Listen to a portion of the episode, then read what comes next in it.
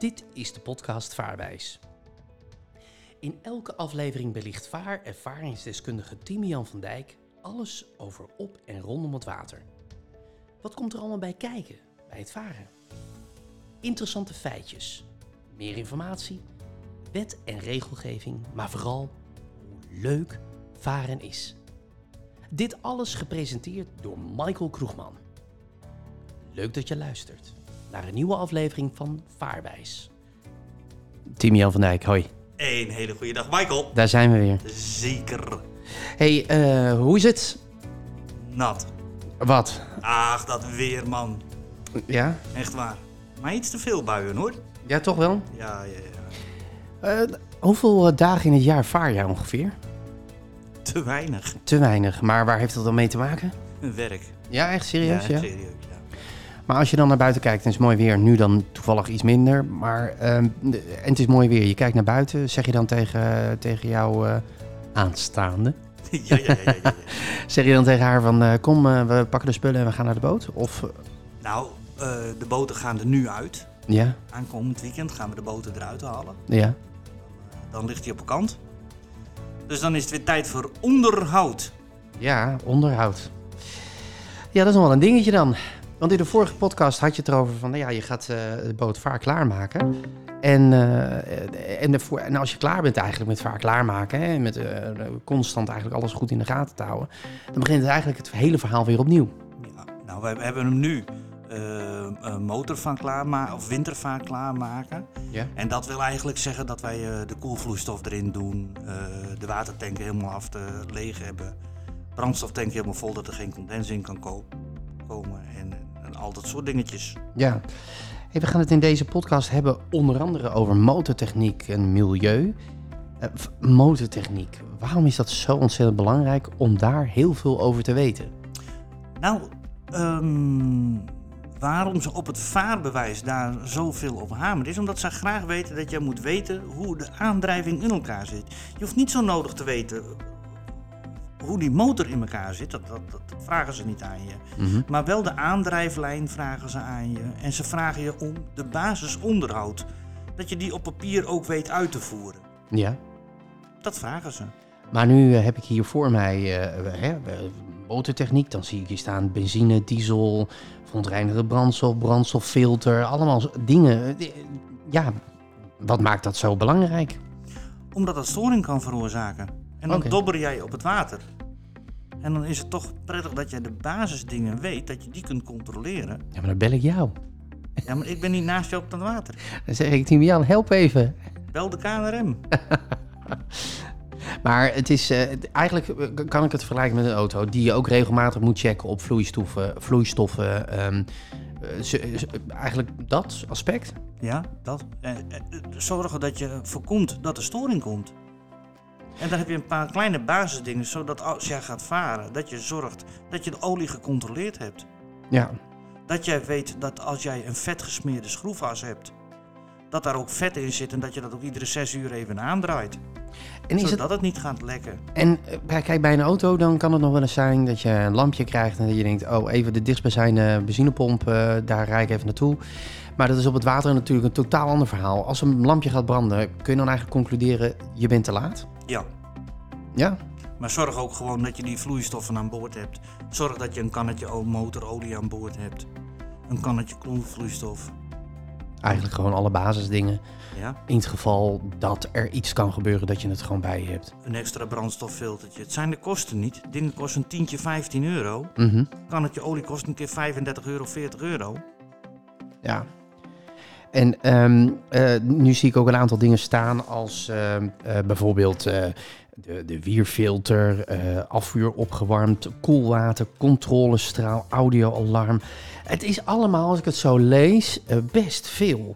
En toch zeg je van ja, maar hier wordt juist op gehamerd dat je het gelezen hebt en dat je weet waar het over gaat en dat je bewust bent van wat er allemaal in een boot eigenlijk zit qua techniek. Nou ja, je moet, je moet natuurlijk eh, eh, rekening mee houden dat als jij ergens heen gaat varen. En neem even, jij gaat over het IJsselmeer heen. Ja? Markermeer mag ook. Ja. Vaarbewijs 1, hè? Va- Vaarwijs 2. 2, sorry.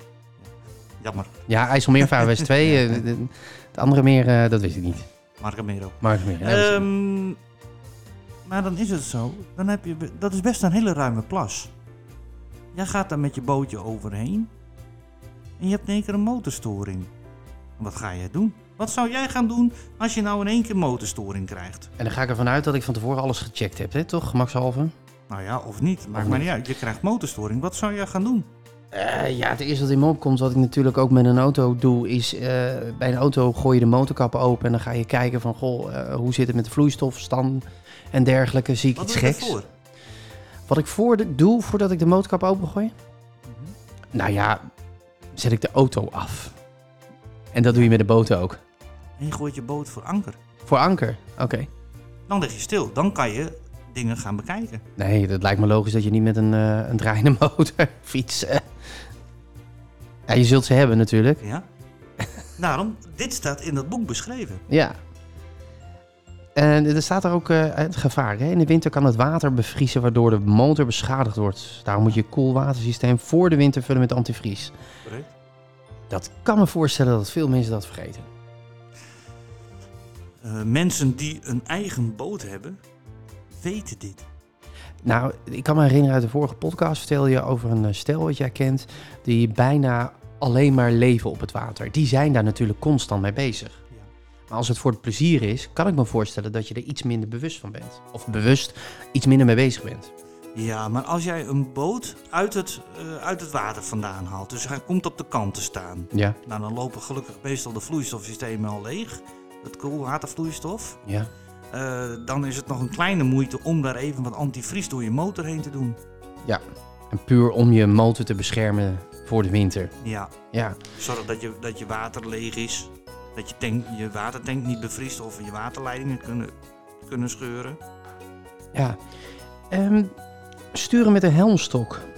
Dan, eh, dat is direct en vraagt weinig onderhoud. Het nadeel, bij wat grotere boten kan er veel druk op het roer komen te staan, waardoor je veel kracht moet uitoefenen. Wil je dat eens even uitleggen?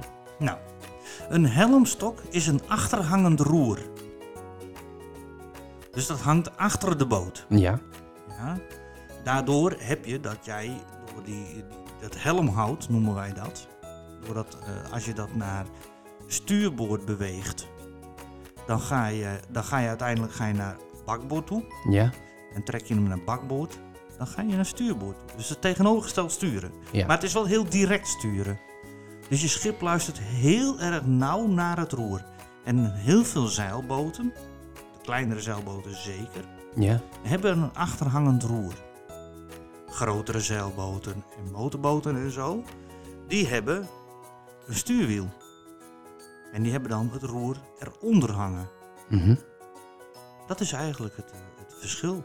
En als je een hele grote eh, helmhout hebt, en dan ken ik één hele bekende, en misschien kennen onze luisteraars die ook wel, dat is de Kamper Kogge.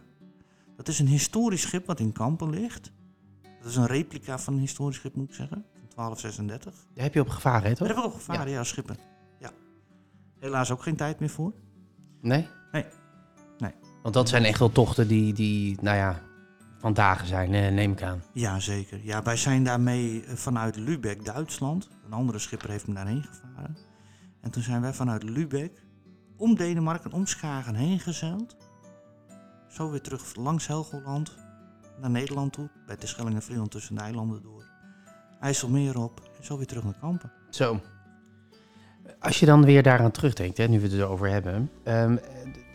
is, staat dat nog op jouw bucketlist om zoiets nog te gaan doen in de toekomst? Nou, nou, ik weet niet per se met de koch of zoiets, maar ik zou nog wel een keer een mooie zeilreis willen maken, ja. Ja, en dan over de wereld of, of een bepaald gedeelte van de wereld? Ja, nou, wat mij, eh, wat mij wel leuk lijkt is of, om bij de Balearen te zeilen. Of eh, ehm, vanuit Portugal over te steken. Dat lijkt mij ook heel erg interessant. Richting Afrika, die kant uit. Want jij kent natuurlijk Henk de Velde heel goed. Ja. En dat is natuurlijk een man die eh, voor de luisteraars, voor de wat oudere luisteraars onder ons, dit klinkt echt een beetje een soort nostalgisch programma. Maar die kennen natuurlijk Henk de Velde, die, eh, die op zijn eh, boot hè, met een grote zeeman, hè, eh, zeil, eh, de wereld overging. Ja, die man heeft dan natuurlijk ook verschillende boeken erover geschreven. Maar als je zijn verhalen hoort, hè, dan denk je... eh, je hoort het, die man, ik heb hem één keer mogen ontmoeten... die, die vertelt dan met zoveel passie en, en, en dat, is, dat is fantastisch. Maar heb je dan ook zoiets... Ja, dat is ook wel gaaf hoor, wat hij heeft gema- meegemaakt. En daar, dat zou ik ook wel willen. Hoe gaat dat dan bij jou in je hoofd?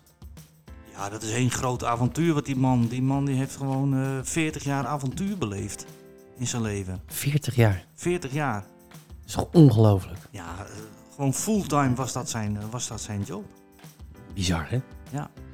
En, eh, en de beste man, die, die, die vaart hij nog wel? Ja, zeker. Hij heeft een hele grote motorboot, heeft hij.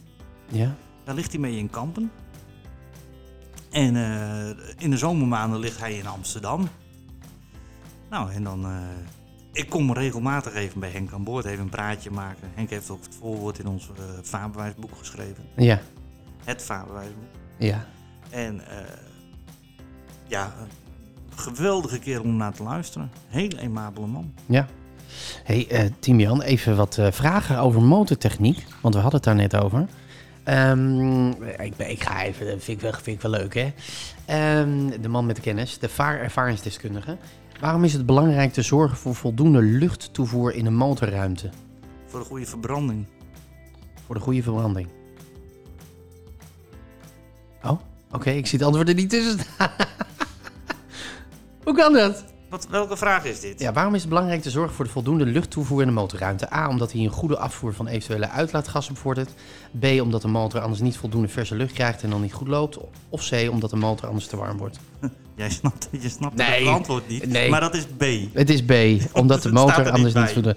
Ja, nee, jij zegt het anders. Dat is het. Ik denk, ja, ik was op zoek naar dat antwoord. Een andere vraag. Hè? Op het instrumentenpaneel kan zich een controlelampje voor de oliedruk bevinden. Als dit lampje bij het draaiende motor gaat branden, is het smeerolieniveau te laag, de oliedruk te hoog, de smeerolieniveau te hoog. Nog een keer die antwoorden? A. Het smeerolieniveau is te laag. Eh, B. De oliedruk is te hoog. C. Het smeerolieniveau is te hoog. Het smeerolieniveau is te laag. Te laag. Ja. En, en dat is heel grappig, want ehm, je, je vertelde me ook, hè, op, het, op het water is alles tegengesteld. Ja, Ehm, eh, merk je dan ook als je een parallel ligt tussen een, een auto en een, een boot? Tuurlijk, dat zijn twee totaal verschillende voertuigen. Ehm, maar merk je dan ook ehm, d- dat, dat hè, wat jij vertelt, hè, op, op het water is alles tegengesteld. Merk je parallellen dat dingen ook wel uit de motortechniek, of tenminste wat in de autotechniek hè, eh, gebruikt wordt, dat je ook ziet van hé, hey, dit wordt ook wel eh, meegenomen in een boot. Of eh, oh, dat is toevallig, dat is hetzelfde. ja de, de, de, met name het instrumentenpaneeltje van een auto, dat is wel even iets uitgebreider. Maar de lampjes die op een, op een auto zitten, Ja, zitten ook vaak op, eh, op, op een motor van een boot. ja. En dan hebben En ze. de aandrijving heb je natuurlijk. Bij een auto heb je vaak een koppeling. Mhm. Ehm, op een boot kan je eigenlijk vergelijken met een, een vorm van een automaat. Want je, je zet hem of in zijn vooruit of in zijn achteruit. Ja. En dan geef je gas. Ja. Nou ja, dit is, de, de reden van de vraag is, bijvoorbeeld als je kijkt naar de Formule 1. In de Formule 1, dan zie je dus dat, eh, dat alles daar, eh, nou ja, de technieken die daar uitgewerkt worden, vaak ook een tijdje later weer in de auto's terechtkomen. Hoe zit dat dan bij een boot? Want hoe, hoe zit dat met die techniek? Blijft zich natuurlijk ook constant ontwikkelen. Hè? We hebben het net gehad over motortechniek. Ja, dat blijft zich ook doorontwikkelen. Nou ja, dat, dat, dat, dat, is wel, wel leuk dat je dat zegt. Dat, dat ontwikkelt zich zeker door. En zeker met het oog op, op, op milieu. Ehm, ehm, richting de elektromotoren. Ja, en dan zeg je met, met betrekking tot milieu, want vertel. Nou ja, kijk, ehm, eh, brandstofmotoren zijn vervuilers. Ja. Linksom of rechtsom. Al hoe schone brandstoffen ook worden en al hoe we ook ons best doen, uiteindelijk is het een belasting voor het milieu. Ja, Ja, en waar varen wij? Wij varen door de mooiste natuurgebieden heen. ja dus we zijn dubbel bezig. Dus ja, je doet wel een belasting op, op het milieu. Ja.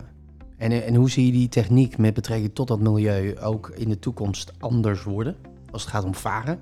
Nou, ik, ik zie het met name eh, eh, met de motoren die ze, die ze veranderen.